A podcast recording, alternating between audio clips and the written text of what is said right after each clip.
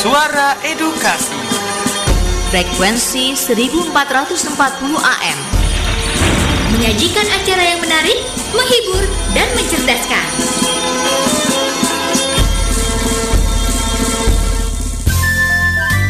Waktu berputar dan perjalanan peristiwa pun berjalan. Ikuti terus info edukasi, sebuah informasi pendidikan dari Radio Edukasi.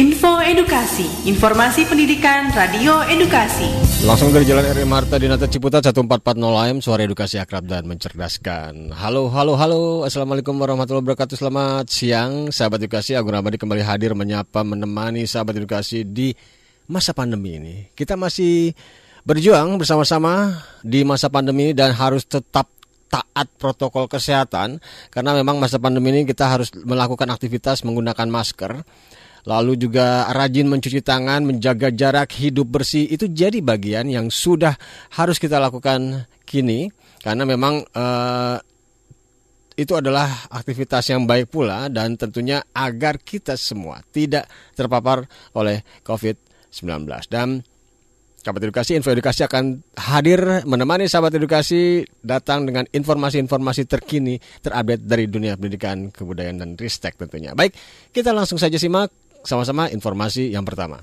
Info Edu. Informasi pertama terkait peringatan Hak Teknas 2021 untuk mewujudkan optimisme dan bangga produk buatan Indonesia dan di peringatan hari atau hak Teknas ini, apa ini hak Teknas dan tentunya untuk membangkitkan semangat inovasi dalam negeri khususnya dalam menjaga optimisme di tengah badai pandemi dan untuk mengakselerasi gerakan bangga buatan Indonesia, Kementerian Pendidikan, Kebudayaan, Riset dan Teknologi memperingati Hari Kebangkitan Teknologi Nasional atau Hak Teknas 2021 dengan mengangkat tema Gotong Royong Inovasi untuk menguatkan bangga buatan Indonesia. Peringatan Hak Teknas ke-26 menjadi momentum untuk membangun kedaulatan bangsa dalam ilmu pengetahuan dan teknologi atau IPTEK yang terus menciptakan talenta-talenta riset dan teknologi di masa depan. Menteri Pendidikan, Kebudayaan Riset dan Teknologi Nadiem Anwar Makarim mengajak seluruh lapisan masyarakat untuk bergotong royong meningkatkan teknologi dan kebanggaan akan Indonesia. Mendikbudristek, Menteri Nadiem dalam sambutannya mengungkapkan Sambutan dilakukan secara virtual di 10 Agustus kemarin. Kita harus bangga buatan Indonesia tidak hanya menjadi jargon, tetapi menjadi aksi nyata yang melibatkan semua lapisan masyarakat. Berikut sambutan Mendikbud Ristek Nadim Anwar Makarim di kegiatan atau di acara Hak Teknas 2021 secara virtual di 10 Agustus kemarin. Assalamualaikum warahmatullahi wabarakatuh. Salam sejahtera bagi kita semua. Om Swastiastu, Namo Buddhaya, Salam Kebajikan, Rahayu. Yang terhormat, Menteri Koordinator Bidang Maritim dan Investasi yang diwakili staf ahli bidang ekonomi maritim. Yang saya hormati Wakil Menteri Kesehatan, Menteri Perindustrian yang diwakili Sesjen Kemenperin, Pimpinan Komisi 10 DPR RI, PLT Dirjen Pendidikan Tinggi, Riset dan Teknologi sekaligus Ketua Forum Dekan Teknik Indonesia, PLT Dirjen Pendidikan Vokasi, Sivitas Akademika Perguruan Tinggi dan Pendidikan Vokasi, para perwakilan dunia usaha dan dunia industri, dan teman-teman media dan para hadirin yang berbahagia. Tepat tanggal 10 Agustus 26 tahun yang lalu, Indonesia berhasil menerbangkan pesawat buatan anak negeri yang pertama yakni N250 Gatot Kaca. Momentum tersebut telah membangkitkan optimisme rakyat Indonesia akan inovasi anak bangsa. Hanya saja dalam perjalanannya, kecintaan dan kebanggaan kita atas produk-produk buatan dalam negeri dapat dibilang cukup rendah. Pada satu sisi, masyarakat merasa kualitas produk dalam negeri masih kurang bersaing. Di sisi lain, cukup banyak inovasi pelajar dan mahasiswa yang kurang diberi tempat. Tantangan itulah yang sekarang menjadi salah satu prioritas Kemendikbudristek. Dan salah satu cara terbaik untuk mengatasi tantangan tersebut adalah dengan mengedepankan semangat merdeka belajar, yakni inovasi yang lahir dari kolaborasi. Ibu dan Bapak hadirin yang saya hormati, dalam konsep merdeka belajar, peserta didik adalah prioritas utama. Sehubungan dengan hal tersebut, kita sebagai pendidik harus memberikan kemerdekaan kepada para pelajar untuk mencoba hal-hal baru dan menciptakan inovasi. Namun, inovasi saja sekarang tidak cukup.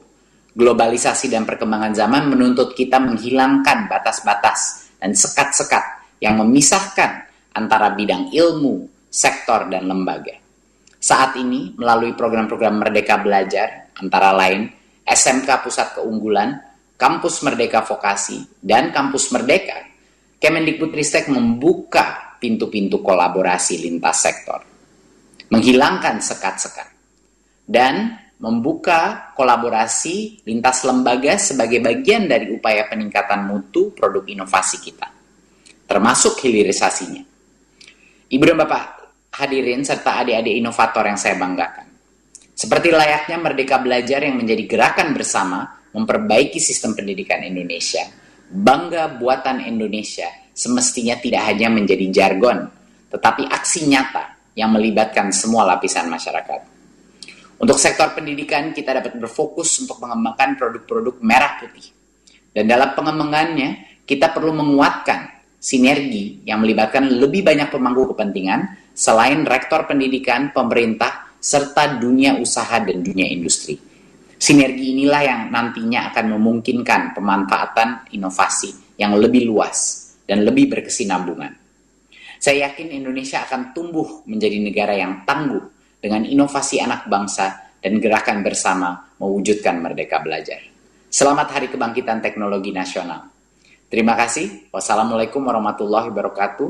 Om Shanti Shanti Shanti Om. Namo Buddhaya. Menteri Nadiem yang tentunya hadir memberikan sambutan. Selain itu ada juga uh, di rangkaian Hak Teknas 2021 tentunya hadir uh, para uh, menteri. Salah satunya adalah Menteri Koordinator Pembangunan Manusia dan Kebudayaan Menko PMK Muhajir Effendi yang juga mengajak masyarakat untuk mewujudkan semangat gotong royong riset dan teknologi. Dan ucapan selamat memperingati Hari Kebangkitan Teknologi Nasional yang ke-26 dengan ajakan untuk mewujudkan gotong royong riset dan teknologi nasional untuk mewujudkan, menguatkan semangat optimisme, semangat berdikari, dan semakin bangga akan buatan Indonesia. Sementara itu, Kepala Badan Riset dan Inovasi Nasional BRIN Laksana Trihandoko mengatakan pembentukan BRIN dan Kemendikbudristek menunjukkan harapan yang kuat dari pemerintah untuk menjadikan riset dan inovasi menjadi pilar utama kemajuan Indonesia. Ia menyebutkan hak Teknas tahun ini memiliki makna yang istimewa bagi kita semua. Hal ini juga merupakan kunci bagi IPTEK Indonesia dengan adanya pembentukan BRIN dan Kemdikbudristek. Di kesempatan yang sama, Kepala Badan Pengkajian dan Penerapan Teknologi BPPT Haman Riza mengatakan hak Teknas mengobarkan semangat untuk terus mengejar lompatan teknologi demi mencapai kemandirian dan daya saing in teknologi Indonesia. Dan ajakan untuk bangga menjadikan IPTEK sebagai landasan pembangunan nasional melalui kemajuan IPTEK menuju negara maju berbasis pada inovasi teknologi. Senada dengan hal tersebut, peneliti dan dosen teknik kimia Universitas Gajah Mada yang juga tentunya hadir, Sang Kompiang Wirawan yang menuturkan pada masa pandemi yang sangat sulit, justru banyak bermunculan inovasi-inovasi karya anak bangsa yang mampu memberikan solusi dan kehadiran negara dengan menyiapkan ekosistem inovasi yang luar biasa bagi kami para insan pendidikan tinggi sungguh membantu sehingga proses investasi produk inovasi berjalan sangat baik. Oke, info edukasi akan hadir lagi dengan informasi lainnya hanya di Suara Edukasi Akrab dan Mencerdaskan. Halo sahabat Dikbud, di masa kebiasaan baru seperti sekarang ini, ingat selalu pesan ibu. Keluar rumah kalau penting saja ya nak, ingat untuk selalu 3M. 3M itu mudah dilakukan dan bisa mencegah penyebaran virus corona. Menggunakan masker, mencuci tangan dengan sabun dan air mengalir, menjaga jarak. Sahabat Dikbud, kalau kamu sayang keluarga, jangan bawa virus ke rumah ya. Ingat pesan ibu, ingat 3M.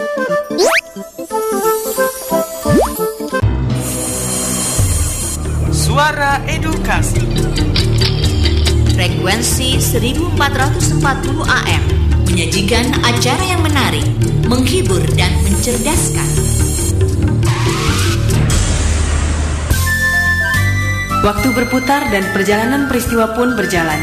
Ikuti terus info edukasi, sebuah informasi pendidikan dari Radio Edukasi. Info Edukasi, informasi pendidikan Radio Edukasi. Info edukasi di 1440 AM, akrab dan mencerdaskan. Kita lanjut untuk informasi eh, terkait semangat. Semangat apa? Semangat di bulan Agustus, yaitu bulan kemerdekaan tentunya, dalam rangka menyambut HUT RI ke-76 KBRI di Manila ini menggelar lomba mendongeng dan menyanyi lagu Indonesia dan menyambut HUT ke-76 RI sekaligus mendukung upaya internasionalisasi bahasa Indonesia. Kedutaan Besar Republik Indonesia untuk Filipina menyelenggarakan lomba mendongeng dan menyanyi lagu Indonesia secara daring. Dan eh, Kuasa ad interim KBRI Manila Widya Rahmanto saat membuka acara di 7 Agustus kemarin mengatakan dalam rangka Menyambut HUT ke-76 Republik Indonesia, KBRI Manila ingin memperkenalkan budaya Indonesia, khususnya bahasa Indonesia kepada warga negara Filipina melalui lomba mendongeng dan dan menyanyi lagu uh, Indonesia. Mereka terlihat bersemangat dan mengikuti kedua lomba ini dengan penampilan 21 peserta lomba yang sangat memukau karena cukup fasih dalam menggunakan bahasa Indonesia, baik dalam bernyanyi maupun mendongeng. Dan di kesempatan ini atas pendidikan dan kebudayaan atau Dikbud KBRI Manila Aisyah Endah Palupi yang mengatakan bahwa setidaknya ada 450 pelajar asing yang belajar bahasa Indonesia di 10 institusi pendidikan yang ada di Filipina dan menjadi KBRI yang menjadi mitra untuk KBRI Manila. Dan meningkatnya minat untuk belajar bahasa Indonesia tahun ini salah satunya adalah alasan ada pembelajaran secara daring yang diberikan oleh guru bahasa Indonesia bagi penutur asing atau biasa kita kenal dengan BIPA. Dan atas dukungan dari Badan Pengembangan dan Pembinaan Bahasa Kemendikbudristek. Sementara itu perwakilan Kementerian Pendidikan Filipina Margarita C. Balesteros yang tentunya mendukung dan menyambut baik kegiatan ini mengatakan pertukaran budaya dan bahasa antara Indonesia dan Filipina dapat membangun hubungan yang semakin harmonis antar kedua negara. Dan uh, Aisyah juga menambahkan uh, Adikbud uh, Filipina, Adikbud Kedubes Filipina mengatakan menambahkan bahwa diadakannya lomba tersebut tentunya sebagai bentuk unjuk diri kemampuan bahasa Indonesia dari warga negara Filipina, khususnya mereka yang selama ini mengikuti pelatihan BIPA yang juga jadi program di Atikbud. Aisyah menginformasikan promosi bahasa Indonesia untuk warga negara Filipina akan terus diselenggarakan oleh KBRI Manila dan tentunya ini untuk mendukung upaya pemerintah dalam menduniakan bahasa Indonesia selain menyanyi dan mendongeng. Warga negara Filipina juga berpartisipasi dalam lomba membuat infografik, lomba pidato tentang Indonesia yang akan diselenggarakan di 13 Agustus mendatang. Hai pelajar Pancasila, pasti kita sudah sering dengar ya kalau sekarang ini adalah era globalisasi. Ternyata, untuk menjadi profil pelajar Pancasila yang baik, kita juga harus menerapkan berkebinekaan global. Terus, maksudnya apa sih ya? Profil pelajar Pancasila yang peka terhadap berkebinekaan global adalah pelajar yang tetap mempertahankan budaya luhur, lokalitas, dan identitas bangsanya, tetapi tidak menutup diri untuk menerima informasi atau budaya lain. Hello, my name is Bintang. Duduh, adik kakak ini sok boleh banget sih ngomong bahasa Inggris segala. Ini namanya adik menghargai budaya lain, Kak. Nanti kalau aku nggak ngerti bahasa Inggris, dan ada orang asing yang nanya ke adik gimana? Malu dong kalau harus buka kamus dulu. Untuk mampu menerapkan nilai berkebinekaan global ini dalam kehidupan sehari-hari, kamu bisa memulai dengan mengenal dan menghargai budaya lain. Dengan begitu, kita dapat mengidentifikasi berbagai informasi dari budaya luar sebelum kita coba menerapkannya. Selanjutnya, profil pelajar Pancasila yang sudah menghargai dan paham budaya lain akan mampu berinteraksi dan berempati. Jika sudah begitu, kita akan terhindar dari prasangka terhadap budaya luar. Selanjutnya, kita juga harus bisa menyelaraskan perbedaan yang ada dan dapat menciptakan hubungan yang harmonis dengan berbagai budaya lain. Gimana sahabat karakter? Nggak susah dong ya untuk menerapkan nilai ini dalam kehidupan sehari-hari. Dengan begitu, kita dapat merasakan keindahan perbedaan yang ada di Indonesia. Kita juga dapat mendatangkan kebaikan karena setiap orang dapat hidup berdampingan dengan segala perbedaan. Yuk, mulai dari hal kecil.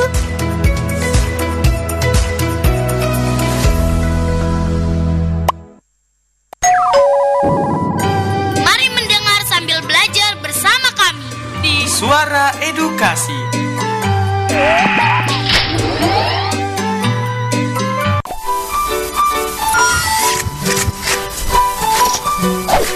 Teknologi berkembang setiap waktu. Apa persiapan kita untuk masa depan anak didik? Mereka lahir pada era teknologi. Sudahkah kita persiapkan diri?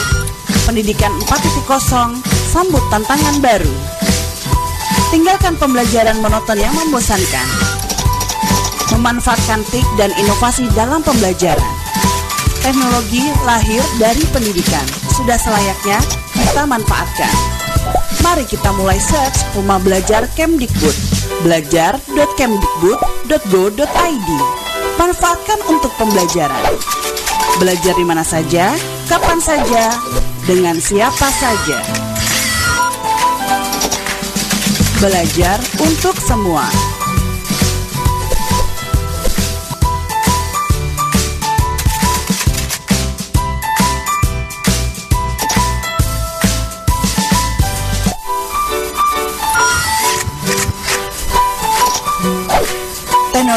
Berkembang setiap waktu. Apa persiapan kita untuk masa depan anak didik? Mereka lahir pada era teknologi. Sudahkah kita persiapkan diri? Pendidikan 4.0 sambut tantangan baru. Tinggalkan pembelajaran monoton yang membosankan. Memanfaatkan TIK dan inovasi dalam pembelajaran. Teknologi lahir dari pendidikan. Sudah selayaknya kita manfaatkan. Mari kita mulai search Rumah Belajar Kemdikbud. belajar.kemdikbud.go.id. Manfaatkan untuk pembelajaran. Belajar di mana saja, kapan saja, dengan siapa saja. Belajar untuk semua.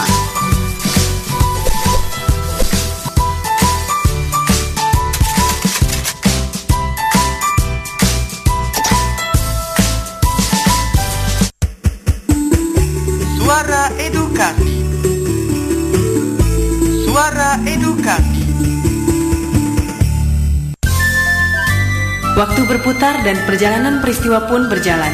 Ikuti terus info edukasi, sebuah informasi pendidikan dari Radio Edukasi. Info Edukasi, informasi pendidikan Radio Edukasi. Info edukasi didengarkan di web suaraedukasi.kemdikbud.go.id atau sahabat edukasi bisa mengunduh aplikasi bernama TV Edukasi di Google Play Store-nya atau App Store-nya. Tinggal unduh lalu setelah diunduh klik menu Suara Edukasi. Maka Suara Edukasi bisa didengarkan 24 jam non-stop. Asal sahabat edukasi tentunya terhubung dengan paket data atau juga internet. Baik, kita lanjut untuk informasi terakhir dan menarik tentunya informasi terkait bahwa satuan pendidikan yang ada di wilayah PPKM level 1-3 ini dapat melaksanakan PTM terbatas dan diumumkan saat konferensi pers, evaluasi dan penerapan pembelakuan PPKM di 9 Agustus kemarin di pukul 20.00 WIB Pemerintah menyampaikan beberapa informasi terkait kondisi terkait COVID-19 dan berdasarkan aturan PPKM tersebut, satuan pendidikan di wilayah PPKM level 4 uh, ini tetap melaksanakan pembelajaran jarak jauh. Namun, untuk uh, pembelajaran tatap muka terbatas bisa dilakukan di satuan pendidikan di wilayah PPKM level 1 dan 3. Dan berbicara tentang daerah-daerah lingkungan atau juga teman-teman yang bertugas para guru dan sekaligus mengupdate informasi dari para duta-duta rumah belajar. Aku Rabadi di live Instagram juga sudah terhubung dengan uh, ibu guru atau juga lebih lebih seringnya saya menyebutnya kakak ya, kakak Erlin. Halo selamat selamat sore kakak Erlin, apa kabarnya Papua? Sehat-sehat? Selamat siang Kak Agung, oh, selamat sehat. Siang. Sehat, apa, apa kabar, kabar nih? juga? apa kabar Papua? Puji Tuhan sehat, baik. Baik, baik. Sudah masuk di level Papua kabarnya baik. Level berapa nih kalau begitu nih daerah Papua di tempat Kak Erlin? Eh, kalau di tempat saya kemarin level 4, Level sekarang 4 ya? turun ke level 3. Turun tiga ya. Benar. Oke oke keren. Benar. keren. Dan sahabat edukasi Kak Erlin ini adalah guru IPA betul ya?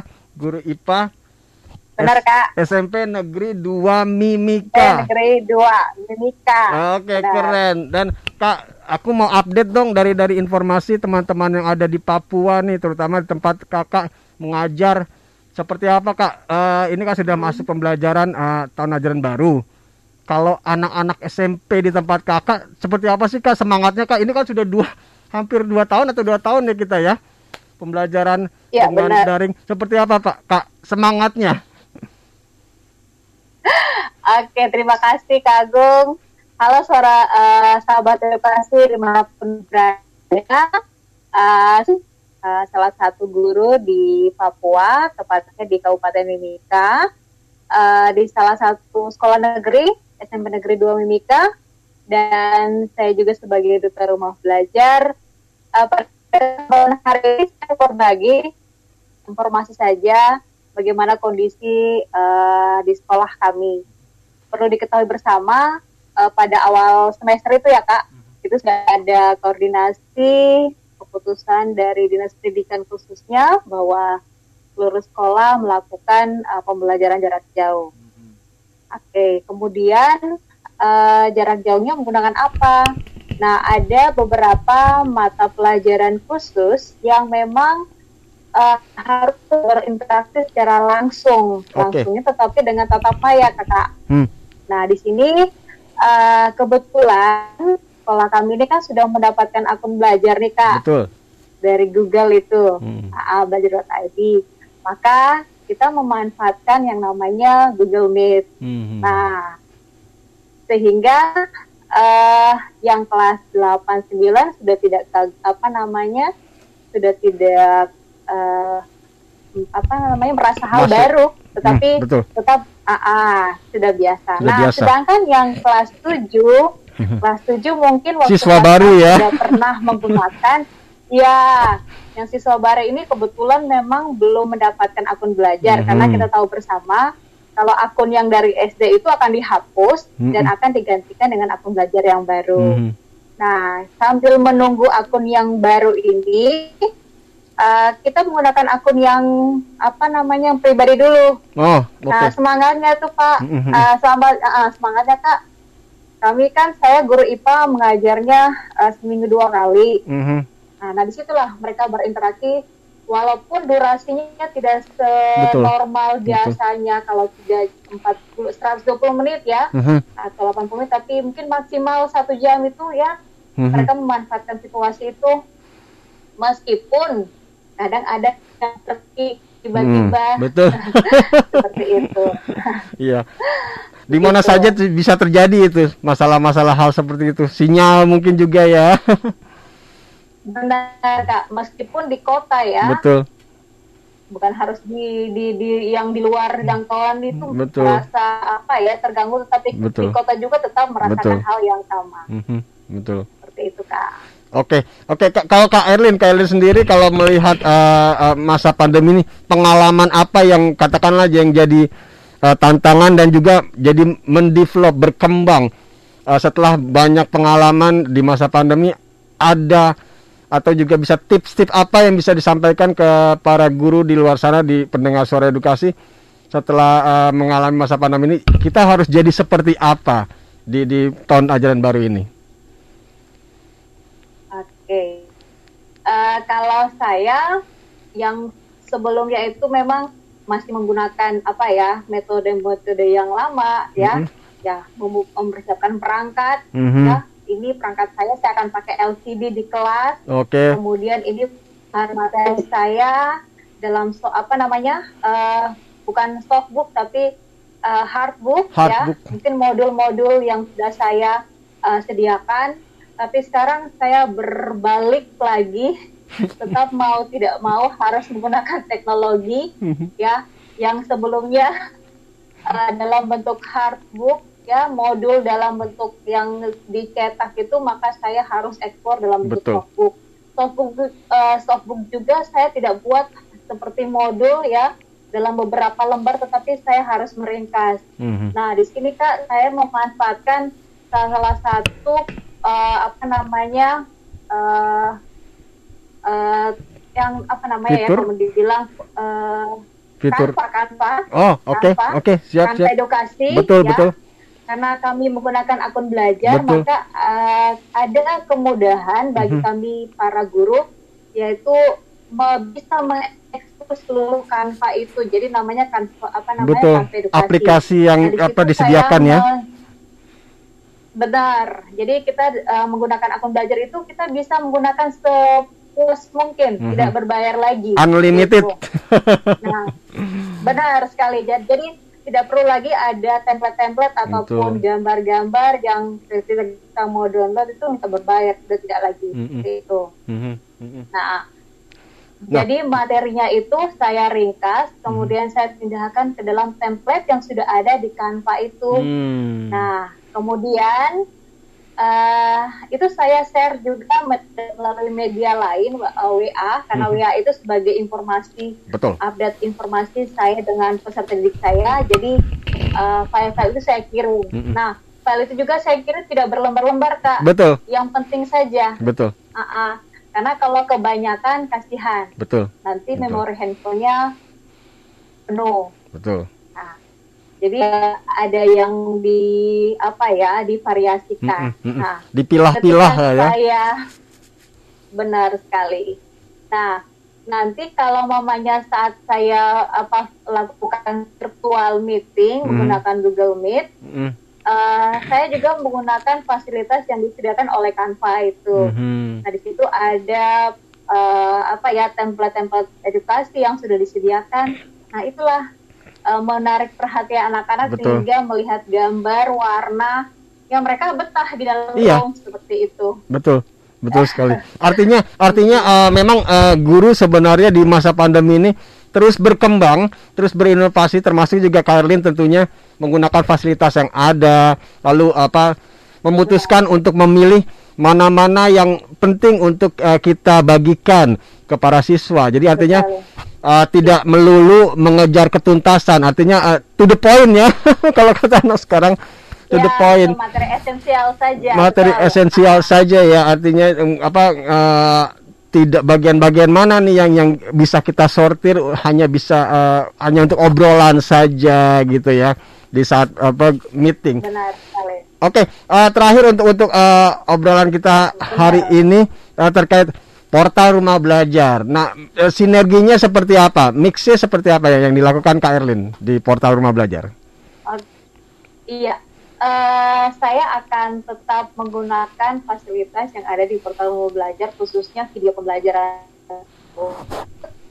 Jadi Mhm. eh, eh, putarkan langsung pada saat Tikon. Hmm. Tapi eh, sebelum pembelajaran itu saya sudah kirimkan videonya. Oke.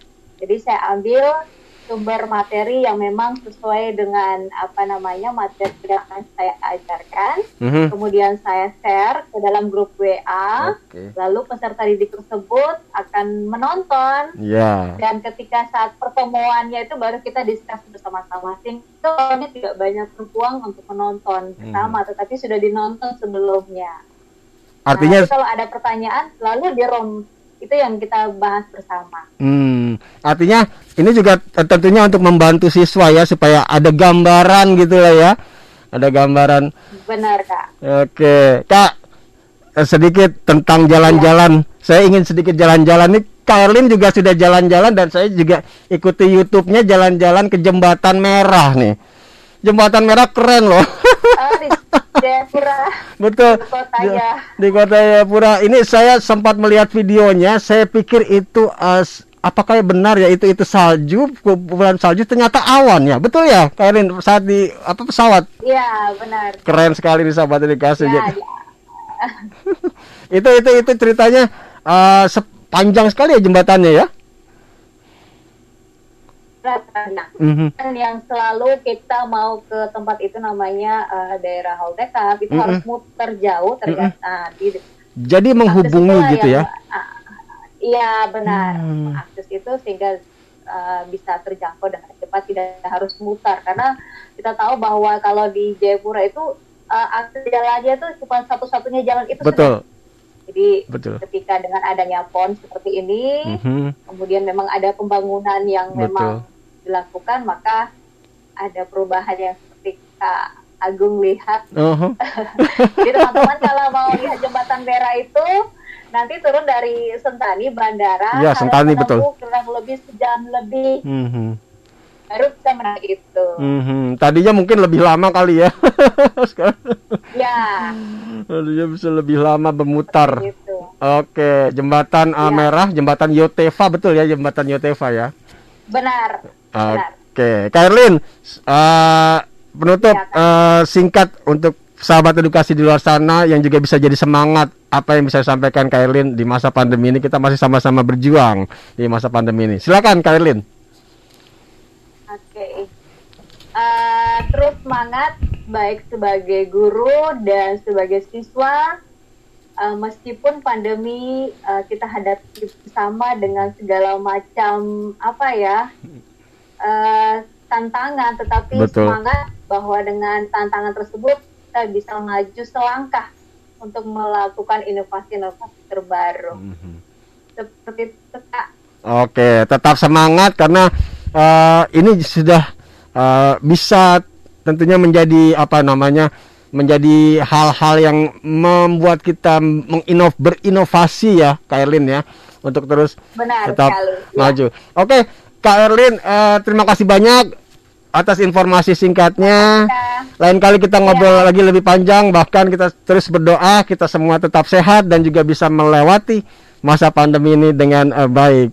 Kak Erlin, salam sehat dari Pusdatin Kemendikbudristek Sore Edukasi. Bye bye.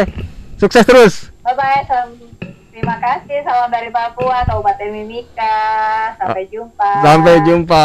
Keren sahabat edukasi kita sudah ngobrol dengan Kak Erlin, guru SMP Negeri 2. Mimika yang mengajar bidang studi IPA dan tentunya uh, ini jadi uh, penutup di perjumpaan kita info edukasi hari ini dan kita harus tetap semangat, tetap jaga kondisi, tetap lakukan protokol kesehatan dan jangan lupa tetap bahagia. Nantikan terus update terkini dari sore edukasi akrab dan mencerdaskan. Aku Mari pamit. Keep safe. Wassalamualaikum warahmatullahi wabarakatuh. Bye bye. Ingat pesan ibu. Info.